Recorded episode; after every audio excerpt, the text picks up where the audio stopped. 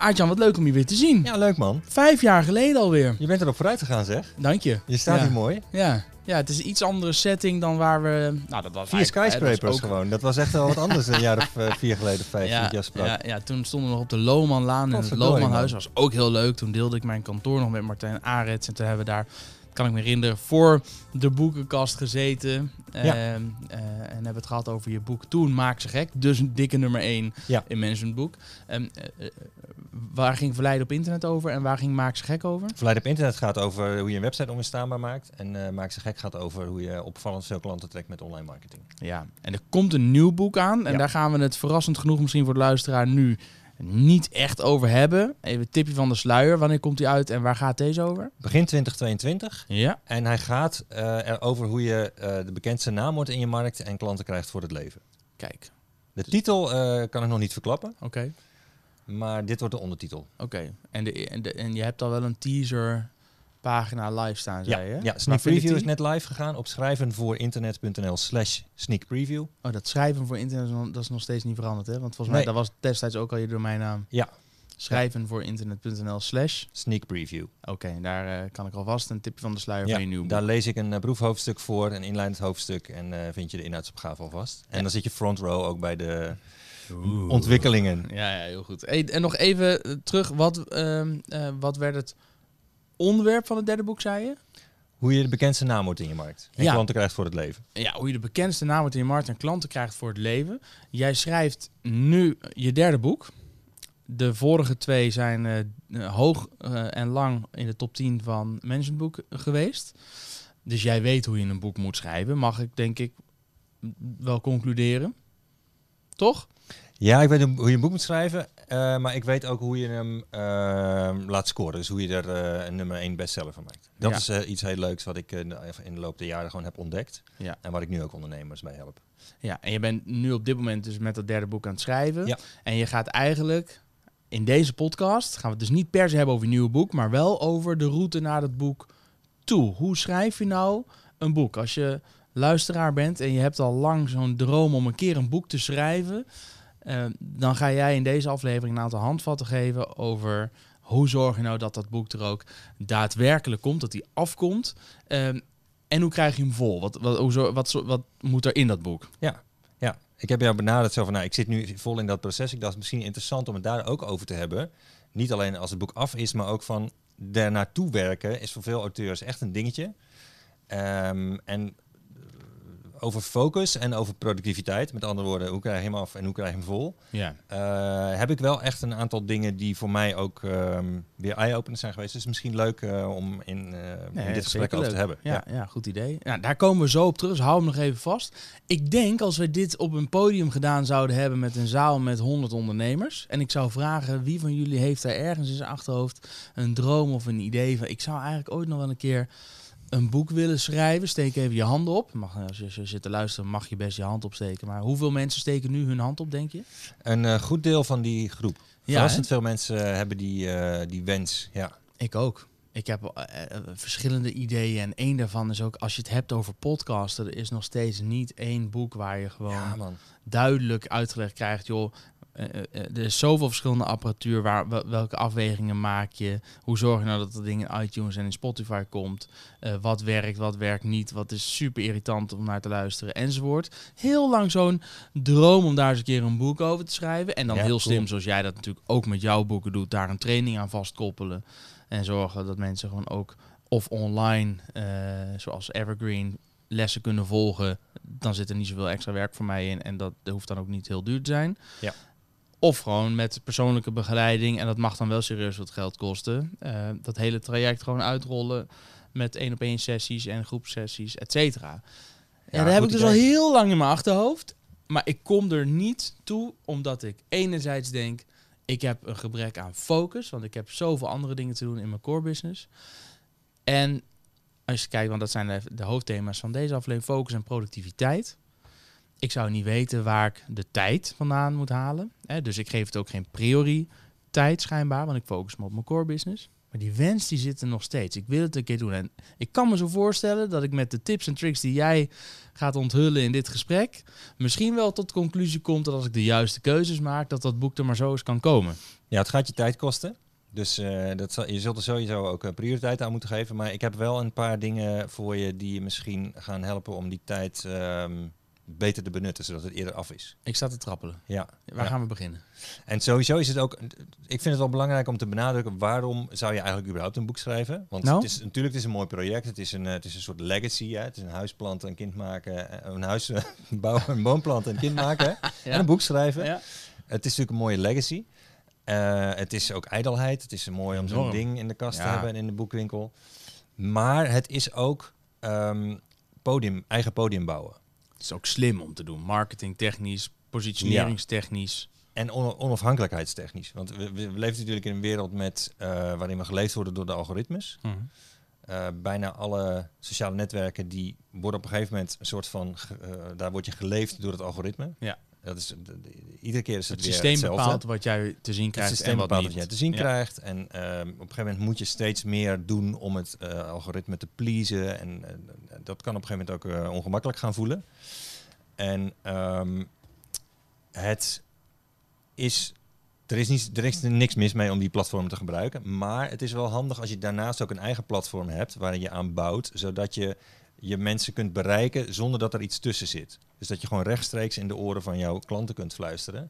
Ja, en een boek, dat is eigenlijk, en dan is jouw klant gewoon urenlang naar jou aan het luisteren. Je bent eigenlijk urenlang, terwijl die klant in bad ligt of in bed ligt of op de stretcher bij het zwembad ligt, eh, ben je hem in zijn en haar in zijn oor aan het fluisteren. Maar eh, eh, dan ga je luisterboeken of... of, of Nee, nou ja, ook Oh, met een, nee, met een überhaupt. gewoon Ja, men, je hebt gewoon Het alle aandacht. één een- op één aandacht heb je. Een boek is eigenlijk een marketingtekst die je schrijft, die klanten bewaren in hun woonkamer in een kast die ze daar speciaal voor gekocht hebben. Die ze bewaren vaak tot aan hun dood.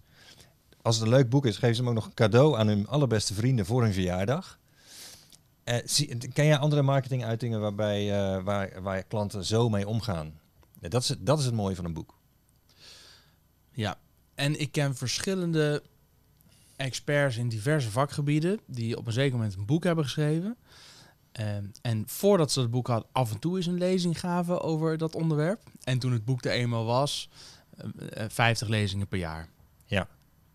Ja, het wordt toch door veel mensen gezien. Kijk, als je in jouw vakgebied redelijk bekend bent en je doet bijvoorbeeld op internet het een en ander met e-mailmarketing, met Facebook marketing of wat voor marketing dan ook. Dat is, een, dat is één wereld op zich. Dan ben je een soort onderwaterwereld waar allerlei eigen wetten gelden. Maar de bovenwaterwereld van de radio, tv, eh, print, daar is een boek eigenlijk de ideale manier voor om je daar te manifesteren. En als je dat doet, dan word je ook gezien als een ultieme autoriteit door heel veel Ja, het draagt enorm bij aan je expertstatus. Ja. Het hebben van een boek rondom een specifiek thema. Ja, als het een goed verkocht boek is. Ja. Als Ja? een boek is dat niemand heeft gelezen, niet. Het draagt wel wat bij. Het is leuk om een boek te kunnen laten zien. Maar als je er niet bij kunt zetten, zeggen van dit is een bestseller Ja. of zoveel eh, exemplaren verkocht, dan doet hij toch minder. Voor. En hoe, hoe zorg je dan dat het boek heel veel verkocht wordt? Daar gaat dus je volgende boek over? Eh, nou, ik heb, daar heb ik een training over. Ja. Dus dat, ik ben natuurlijk ook zo slim dat ik niet alles in die boeken zet, maar eh, de, de, de belangrijkste dingen komen bij mij in mijn online training, omdat ik daar ook echt de tijd heb om mensen te helpen en Mhm. perso- persoonlijk ook te begeleiden. Dus ehm, Maar je hebt ook, weet ik nog, in je, als ik, of ik moet me echt helemaal vergissen, maar als ik me niet vergis, heb jij in je Maak je gek, Maak ze gek boek, daar heb je ergens een, een hoofdstuk of een passage staan dat je eigenlijk je, de, je allerbeste tip gewoon gratis moet weggeven. Zo'n tip waar je eigenlijk een beetje buikpijn van krijgt, dat je dat gratis weggeeft. Dus Ja. alleen maar tease in je boek, daarmee kom je er niet. Je moet Ja. al wel, nee, er moet goede content in staan natuurlijk. waar je ook echt iets mee kan. Maar het heeft niet zo heel veel zin om, eh, om alles weg te geven in een boek, omdat je daarmee, ehm, ja, je, eigenlijk help je je klant daar niet echt mee en ehm, uiteindelijk willen ze ook door jou geholpen worden. dus het is wel handig om het over te houden voor in je, voor in je online training. En ehm, Ik heb ooit ben ik begonnen met een, met een po- online podcast workshop klaarzetten. Dat je gewoon online mijn lessen kon volgen. En dat liep niet echt per se heel hard. En toen was een ondernemer, Sven van Bokkel, die zei tegen mij... Nee, maar Jelle, ik- dat snap ik wel.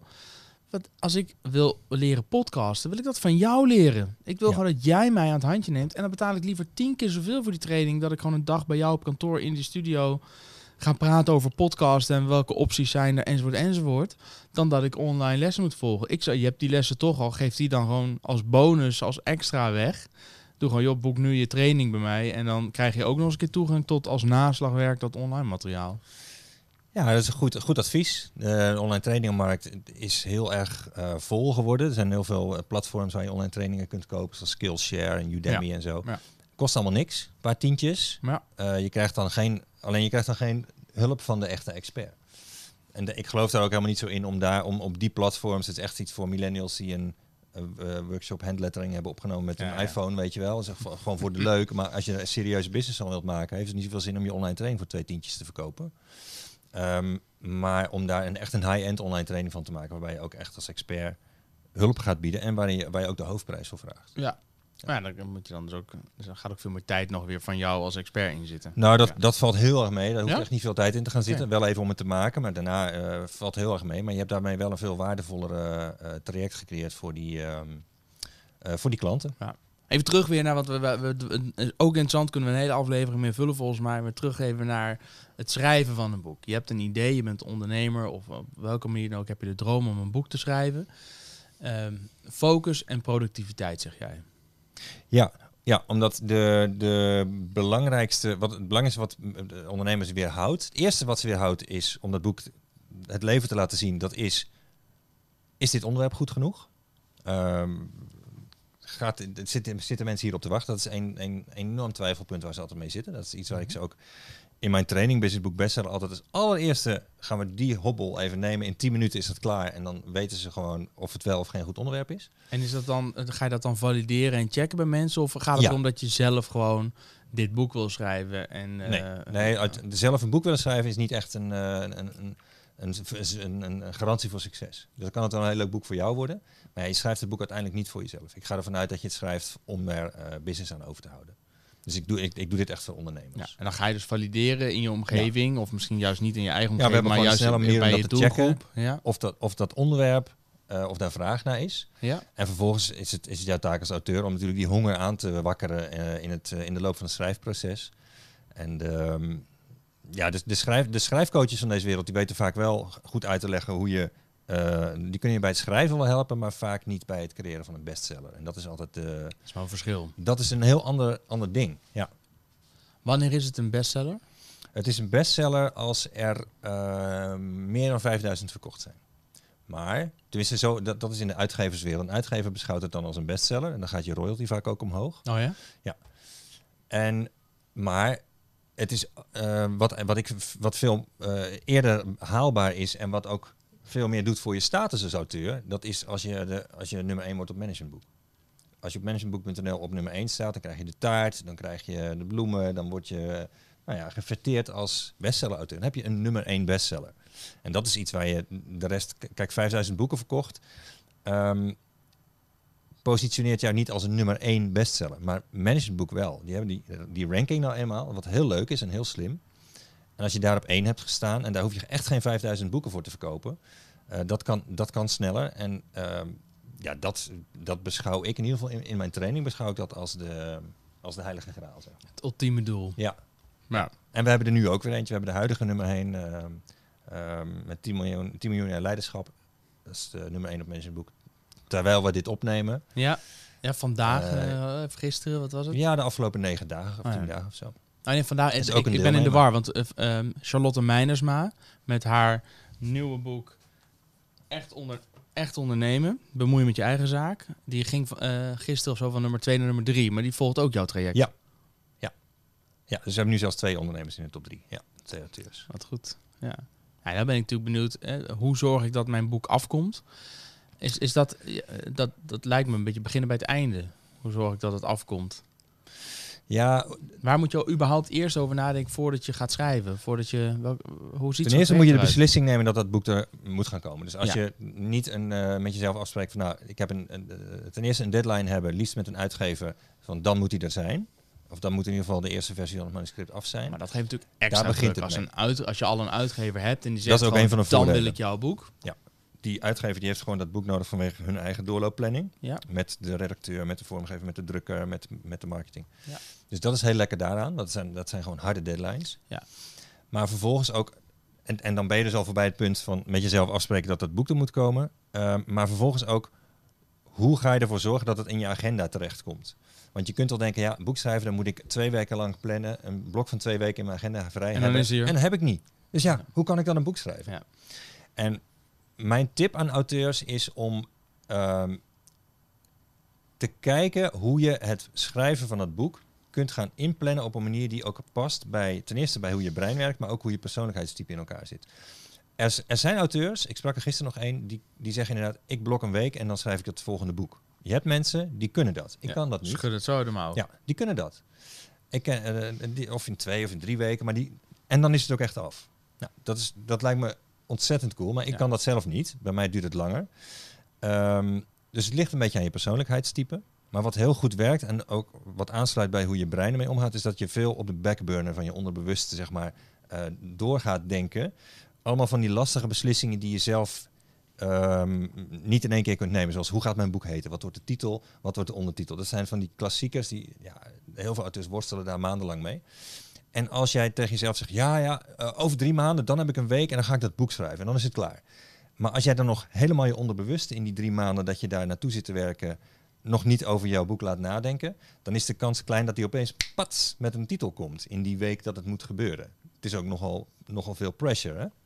Dus als jij er wat in ieder geval wat, iets wat voor mij heel goed heeft gewerkt in deze periode dat ik nu met het boek bezig ben, dat is dat je het beste uur van de dag gebruikt voor je boek.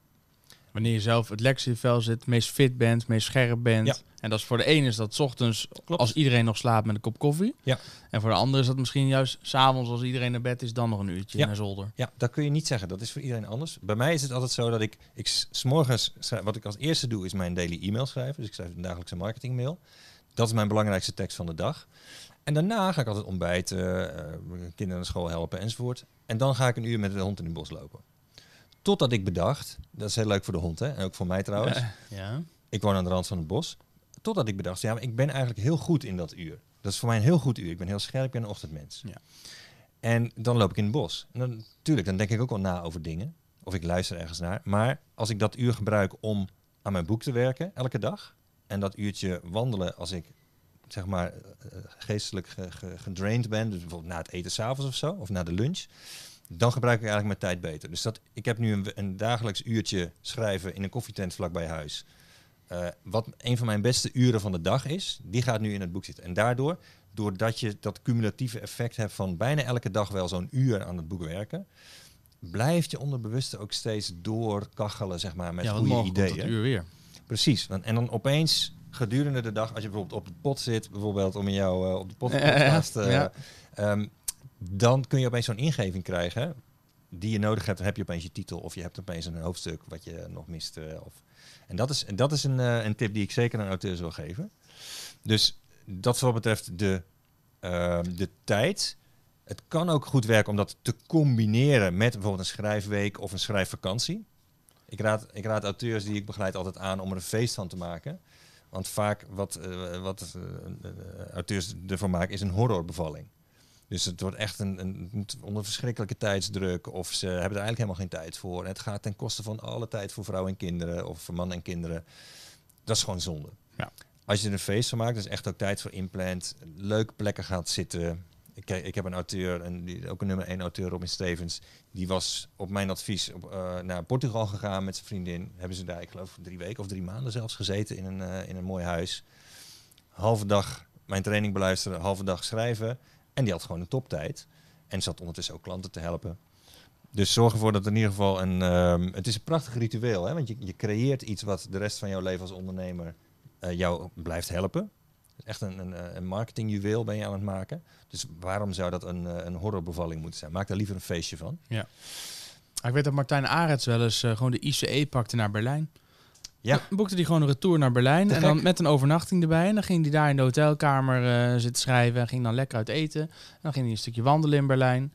En op de heen- en terugweg in die ICE. Dan ging hij daar gewoon met zijn noise cancelling headphones op. Ging hij gewoon rammen. En af en toe keek hij even uit het raam. Ja.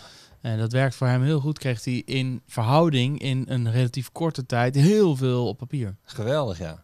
Ja, ik heb ook een boek gelezen van een auteur die, heeft, eh, die pakte speciaal een vlucht naar Tokio hiervoor. Oh ja? Vanuit Amerika. Ja, dus die ging, weet ik veel, hoeveel is dat, 10, 12 uur of zo. En dan ging die, en het boek was ook af. Nou, Ja, die, eten retourvlucht. Ja, ja, goed. Dan kun je beter met de trein gaan. Ja, Maar dat zo'n soort- ja. Je creëert daarmee ook eh, urgentie voor jezelf. Wat ik zelf wel eens heb gedaan, is dat ik, ik moest een week naar Chicago. Toen heb ik er een week van tevoren bijgeboekt in New York in een hotel.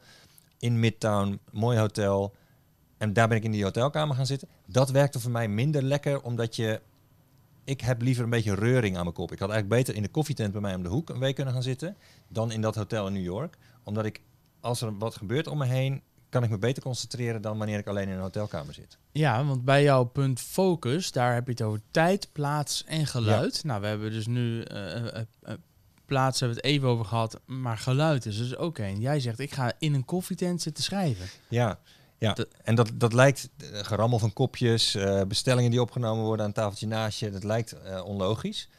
Alleen op de een of andere manier werkt het, werken, ze zeggen wel eens vreemde ogen dwingen. Dus je hebt toch een soort van, je zit in, het, in de public eye, zeg maar. Dus ik denk dat het zelfs met, mee te maken heeft dat als ik op mijn kantoor niks zit te doen of niet productief ben, dan ziet niemand dat. Ja. Als ik in een café, waar het niemand iets kan schelen of ik wel of niet eh, productief ben, maar als ik daar zit te lanterfanten, dan kunnen mensen dat zien. Ik denk dat dat mij helpt, die irrationele eh, pressure om toch eh, wat te gaan doen. ja.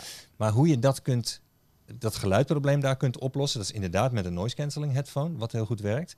Maar ehm, wat ik ook, een tip die ik laatst ook van iemand kreeg, is dat, ik weet niet uit welk tijdperk jij bent, maar ik ben geboren in de jaren 70 en ik had, in de jaren 80 had ik een Walkman van Sony. Heb ik ook nog gehad hoor. Oké, met Ja. maar ja, ik had een cassettebandje, jij had misschien een disc. Nee, ja, heb ik allebei gehad. Het begon bij mij ook nog met een Walkman, met cassettebandjes, met nog eh, dat je hem om moest draaien om de tweede helft van het nummer te luisteren. En ook nog met die lul van DJ die er doorheen ging. En Precies. Ik ken het pennetje doorheen en het aandraaien. Nee, ik heb het wel... eh, ja, nou, zie je ik uit je bent. Ja.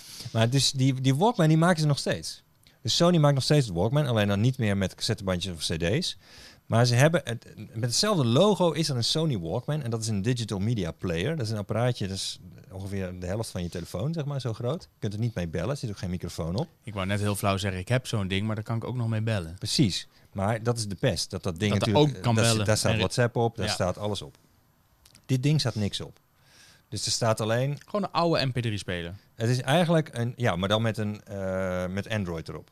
Oké. Dus je zet daar gewoon je Spotify op, je downloadt daar een playlist. Ah. En dat is de enige, dat het enige geluid wat je bij hebt. Dat zet je op je noise cancelling. En daarmee ben je niet bereikbaar, maar we kun je wel afsluiten. Dus dat, is een, dat vind, vond ik een hele, een hele fijne. Maar waar ga je dan naar luisteren? Dan zijn er twee dingen die je kunt doen.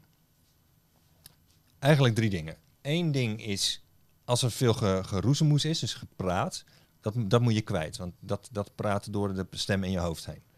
Dus dat kun je, als je, dat kun je weg. Dat moet, je moet muziek hebben die dat wegdrukt.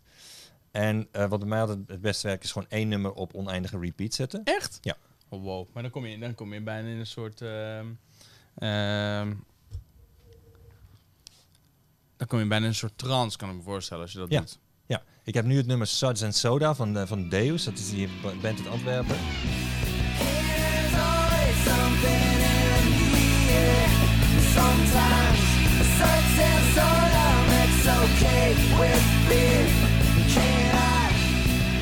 Dat is echt zo'n echt takkenherrie is dat. En dat dringt dus al het geluid weg. En dat, op een gegeven moment hoor je het niet meer. Ik ga alleen takkenherrie voor terug. Precies. ja, dus dat is, dat is lekker. Ehm, een andere is eh barokmuziek. Hebben ook veel mensen goede ervaringen mee. Dus echt, eh, nou ja, Bach.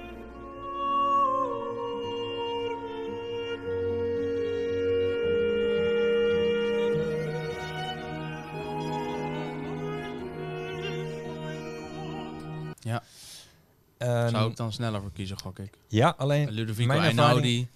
Nee, dat, ja, Einaudi is heel minimalistisch en daar komen stemmen doorheen.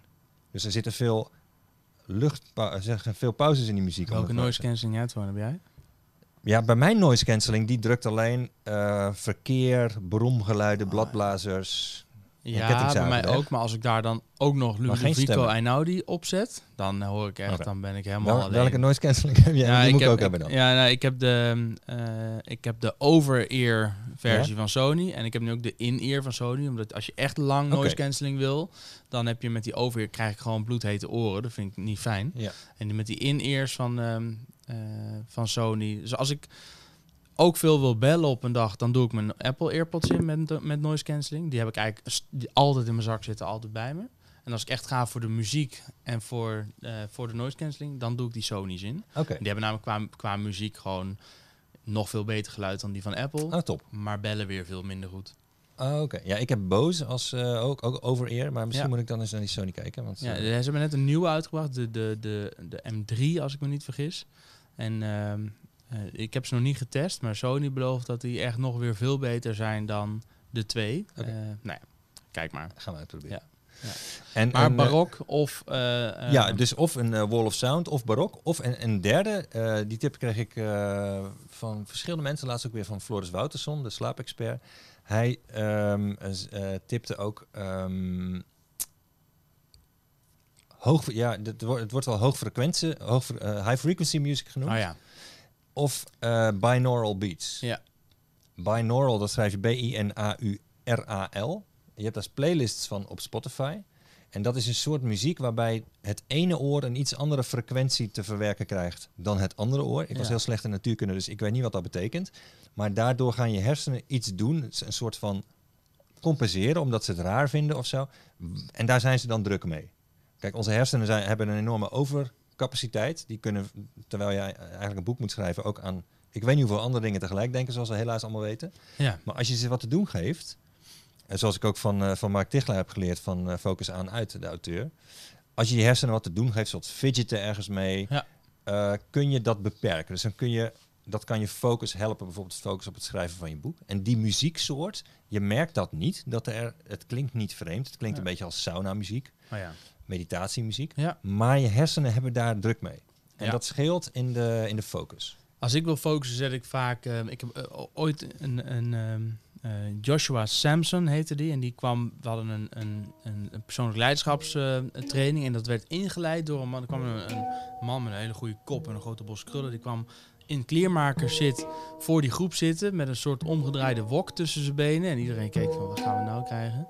En die begon daarop te pingelen. En dat heet dan een hang, weet ik nu, zo'n ding. En die. ehm, en dat gaf, dat was een, binnen no time was iedereen stil en zat gewoon aandachtig te luisteren. Van, wat, een- heel bijzonder geluid. En daarna werd het dan, werd die, begon zeg maar die hele training. En die muziek, en dan heb je bijvoorbeeld een, een band Ha- Hang Massive.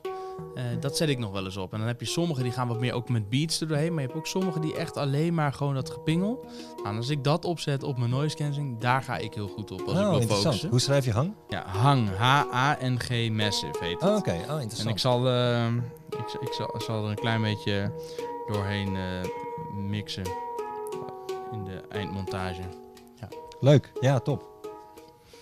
Ja, dus ja, dat zijn eigenlijk mijn, eh, mijn, mijn tijd, plaats en, eh, en geluidstips voor, eh, om dat boek Ja. dus nog even, tijd af even, te re- krijgen. even, even samenvattend. Tijd, daarmee bedoel je? Kies het moment op de dag, dus kies het beste, het moment waarop je het beste bent van de dag en doe dat liefst dagelijks, of in ieder geval door de week. Plaats? Plaats, ga ergens zitten waar jij eh, een, een plaats die jouw focus stimuleert. Of dat nou de ICE naar Berlijn is of de, of de, de vlucht naar Tokio. Of een koffiebar?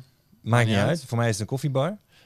En ehm, Geluid? geluid heeft dus te maken met onder andere eh, eh, type muziek, wall of sound, high frequency of binaural beats.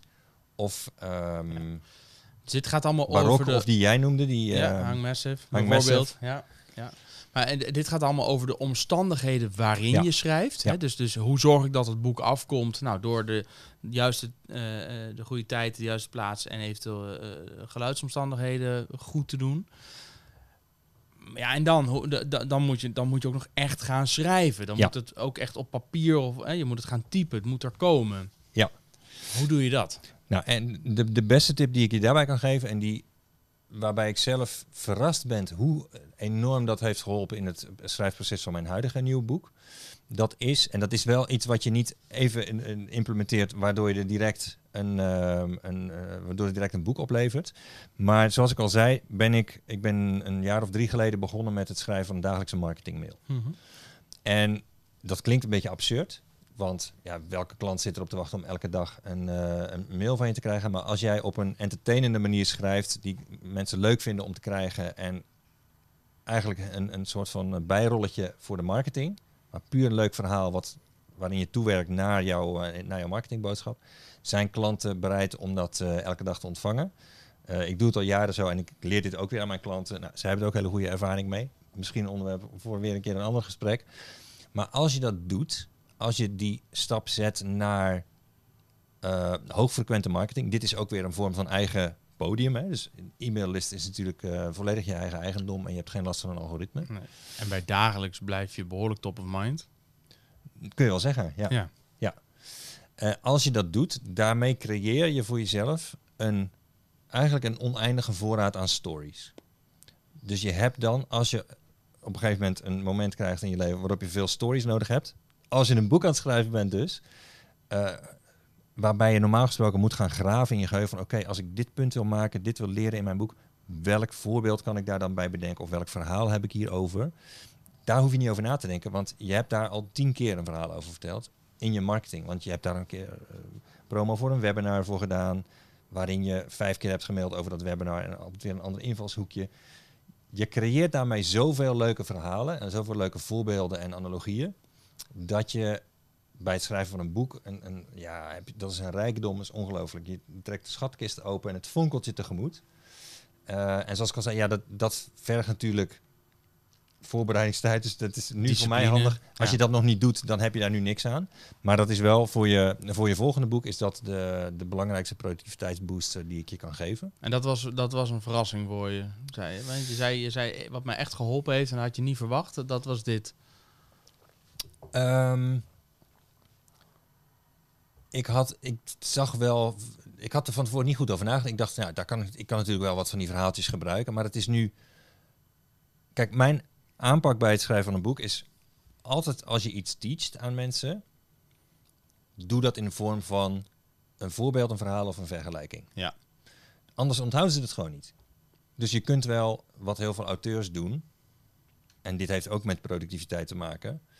Wat heel veel auteurs doen als die eenmaal die tijd vrij hebben gemaakt. Eindelijk, oh, nu komt dat boek er. Ik heb er nu tijd voor. Nu gaat het er komen. Wat ze dan gaan doen, is ze gaan zich zijn, hun hoofd helemaal leeg schudden. Dus ze gaan eigenlijk het ultieme boek schrijven, het magnum opus. Ja. En wat je dan krijgt, is gewoon een heel dik boek. Ja, maar, eh, ja, Ze schrijven het eigenlijk voor zichzelf. Voor iemand zoals zij zelf zijn. nou, en daarbij geven ze eigenlijk veel te veel. Ja, ze zeggen wel eens dat je mensen. eh, ik heb wel eens gehoord dat eh, geheime agenten, spionnen leren in het klasje van buitenlandse zaken dat je mensen kunt martelen zonder sporen op het lichaam na te laten, door ze te slaan met een telefoonboek. Jij kent telefoonboeken ook nog wel, weet ik niet, want jij hebt nog een ja, Walkman ja, gehad. ja, ja. En dat doen die auteurs die zo'n heel dik boek schrijven eigenlijk ook. Dus die gaan hun Die lezers martelen met, met, een eh, heel dik boek. Dat is helemaal niet aantrekkelijk. En wat is wel aantrekkelijk? Wat is, het, wat is dan het tegenovergestelde?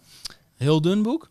Wat die, eh, nou ja, Jos Burger zegt altijd, schrijf maar een heel dun boek, want het wordt toch niet gelezen. En hij verkoopt vervolgens eh, eh, 200 praatjes per jaar, geloof ik, eh, presentaties. Zeker. En Jos zegt, je kan beter vijf losse boekjes schrijven dan één hele dikke. Want dan verkoop je vijf keer een boekje Ja. in plaats van één. Ja, dus hij, dat helemaal mee eens. Ehm, wat auteurs gaan, vaak gaan doen, en wat iedere keer weer, iedere keer weer, bij elke auteur heb ik dit gesprek met ze als ik, als ik erover spreek, is doe nou even rustig aan. Doe nou even wat minder. Het is, het is al, en gisteren ook weer een auteur, ze liet me de inhoudsopgave zien, en die was drie pagina's. En ik werd al moe toen ik het las. Ik dacht, jezus, komt dit allemaal in dit boek? En ik zei het ook gewoon letterlijk tegen haar. En ze zei, oh, ik doe het weer, hè. En dit is, en ik zelf ook, toen ik zelf met mijn eigen eh, opzet voor dit boek bezig was, zei er ook iemand tegen me, goh, dat wordt wel een, eh, wordt wel een dikke pil, hè. Ik zei, godverdorie, dan doe ik het zelf ook. Ja. Dus dat heb ik die neiging. kill your darlings. Terugbrengen Ja. naar de kern. Ja, en nou, de essentie is eigenlijk, ga niet, denk niet dat een boek ervoor is om te gaan teachen. Want als jij jezelf positioneert als een teacher, dan, eh, ja, we- alle teachers uit ons verleden, die herinneren wij ons hoe, als, meestal waren ze sufneuzen. Er waren saaie mensen, daar hebben we geen goede herinneringen aan. Er Ja, zat misschien één of twee, één Ja. of twee bij. En, ehm, wie, en, en ze verdienen ook nog heel weinig. Teachers hebben een laag inkomen. Wie hebben een heel hoog inkomen? Entertainers. En entertainers, daar is iedereen idolaat van. absurd fandom, absurd hoog inkomen. Dus als je dat weet, waarom zou je in je marketing dan positioneren als een teacher? En waarom zou je de- in je boek dan positioneren als een teacher? Ga je zelf positioneren als een entertainer en mensen vinden het veel leuker. En een, een zakelijk boek is natuurlijk niet 100% entertainment. Maar als je daar 80% entertainment van maakt en 20% teachen, dan wordt het een veel succesvoller boek. En het is ook veel leuker om te schrijven. En het is ook veel sneller te schrijven. En leuk om te lezen. En, voor, en dat is het belangrijkste. Ja. Wat je eigenlijk wil, is dat, eh, dat je de koffer in mag met je lezer. Stel, jouw lezer die is, die, die is eh, zo'n rolkoffertje aan het inpakken voor een weekendtrip. Of nee, voor een strandtrip. Ergens aan, eh, aan, in, naar de zon. En die koffer, eh, ze willen niet een grote koffer in het ruim. Nee, alleen zo'n klein koffertje. Er is ruimte voor één boek. Er ligt een stapel boeken klaar, maar er is maar ruimte uiteindelijk natuurlijk voor één boek. En dan moeten ze jouw boek in die koffer leggen. En dat is alleen als ze door de achterflaptekst al doorhebben. Dit wordt leuk, dit is een leuk boek. En die andere, dat wordt werken, dat is een studieboek. Ja. En als je nummer 1 bestseller wilt, dan is, dan, dan is dat een van mijn beste tips die ik kan geven. Dus zorg dat je gaat teasen in plaats van teachen. Je lezer wil eigenlijk alleen maar een paar goede ideeën krijgen en heel erg enthousiast daarover gemaakt worden. Ze willen resultaten zien van die goede ideeën die jij hebt. En ze willen jou gaan zien als de, de autoriteit die ze daar het beste bij kan helpen. Ze willen helemaal niet alles al kunnen nadat ze jouw boek hebben gelezen. Wat veel auteurs wel proberen te doen in een boek. Daarom zijn het ook van die, van die bijbels, van die telefoonboeken. Maar dat wil een lezer helemaal niet. Een lezer wil alleen maar ergens iets, iets, iets leuks leren, iets interessants. Overtuigd raken dat dit inderdaad de way to go is. En ze willen de, de juiste persoon ontdekken die, dat voor ze, die ze daarbij kan helpen. Dat is alles wat je boek eigenlijk hoeft te doen. Even resume. Focus en productiviteit. Dat heb je nodig om een boek te schrijven. Dus hoe zorg ik dat mijn boek afkomt? Daarvoor zorgen dat je op het beste moment, jouw beste moment van de dag gaat schrijven. Je kiest een plaats die voor jou goed werkt. Voor de een dat de zolderkamer, voor de andere de ICE en voor de andere een vlucht naar Tokio. Of het bos aan een picknicktafel. Het geluid. eh enerzijds geluid uitbannen door noise cancelling, maar ook de juiste delen van je hersens aanspreken door eh, bepaalde muziek op te zetten. Ja. Ook welke muziek dat is, is voor iedereen anders, is voor iedereen persoonlijk. Zorgen dat het boek er uiteindelijk ook komt, eh, is zorgen dat je hem niet te vol probeert te proppen met alle kennis die je tussen je oren hebt zitten. Ja, teasen en niet teachen. Teasen en niet teachen. En ehm, vaak wil je te veel geven. Ja, en eh, zorg dat je, gaat, eh, dat je een, een voorraad van verhalen hebt, zodat je daar in je boek meteen uit kunt gaan scheppen, zodat dat boek snel volkomt. Heb je nog andere tips, tricks of tools die je kunnen helpen om te zorgen dat het boek er komt? Ja, en, en de meeste auteurs zullen gewoon Word gebruiken om het boek te schrijven. Ja. Dat kan. Ehm, maar het is eigenlijk niet zo heel handig bij eh, lange documenten. Een boek is toch al gauw, nou wat, 30, 50.000 woorden. Ge- het overzicht raak je een beetje Ja, kwijt. en het, wordt ook steeds langzamer, dat document. Wat je, eh, wat ik, waar ik zelf enthousiast over ben, en eh, waar jij ook al over begon trouwens in, Ja. in ons voorgesprek, was, is eh, Scrivener. Dat schrijf je S-C-R-I-V-E-N-E-R. Dat is een tooltje dat speciaal gemaakt is voor auteurs. Ehm, en dat heeft allerlei handige eigenschappen die Word niet heeft. Je hebt veel meer overzicht over je document. Dus je werkt eigenlijk in een soort overzichtsview aan je, aan je boek. Je kunt heel makkelijk switchen van hoofdstuk naar hoofdstuk, van paragraaf naar paragraaf. Je kunt allerlei resources in een eh, speciaal hoekje eh, bewaren, zoals webpagina's, afbeeldingen, filmpjes, eh, whatever. Dat hoef je niet weer in een los document of zo. Eh, Word is eigenlijk gewoon één lange lab. En dit is allemaal plekjes waar je eh, ehm, content kunt bewaren die je nodig hebt voor je boek. En ook je document, het manuscript zelf is op zo'n manier gesegmenteerd dat je heel makkelijk kunt switchen, dingen kunt verplaatsen. Ehm, en eh, het is ook nog een heel goedkoop toeltje. Het is een van de, ik vind een van de meest waardevolle stukjes software die ik heb. Maar het is geen SaaS, het is niet een maandabonnement. Gewoon een vast bedrag Het en is je kan gewoon- blijven gebruiken. Ik geloof 50 euro of zo, of zoiets. Het is onder de 100 dollar in ieder geval, dat is eenmalig. krijg je ook nog een gratis updates. Dus, ja, het is, die mensen verdienen er blijkbaar helemaal niks aan. Maar het is voor auteurs echt een hele waardevolle tool. Scrivener. Arjan, als er mensen zijn die zeggen: eh, Leuk, dank voor deze tips, maar ik heb meer begeleiding nodig om te zorgen dat mijn boek er komt. Ik hoorde je op een gegeven moment zeggen: eh, Charlotte, maar ook eh, de huidige nummer 1 op managementboek, wordt geholpen in een trainingsprogramma van jou. Ja, dat is mijn online training eh, Business Book Bestseller. Ja. Die heeft nu zeven nummers 1 op managementboek voortgebracht. En ehm, als je het leuk vindt om daar iets meer over te weten, ik heb een e-book gemaakt met mijn beste tips om je boek op nummer 1 te krijgen. Zo kom je op nummer 1 in de Managementboek Bestseller Top 100, heet dat ding. Eh, kun je downloaden op eh, de pagina maakzegek.nl slash nummer 1, dus NR1. Ja, Artjan, dankjewel voor je komst naar de studio en voor het eh, delen van jouw kennis over hoe zorg ik nou dat dat boek wat ik al lang in mijn dromen voorbij zie komen, ook een keer op papier komt en als het even kan zelfs op nummer 1 als bestseller in de managementboek top 100. Dank je voor de uitnodiging. Graag gedaan tot eh, eind van het jaar om te praten over je nieuwe boek. Ja, leuk, komt die uit, hè? Ja. Heel goed. Nou, zien we je dan weer. Hoi. Hoi, hoi.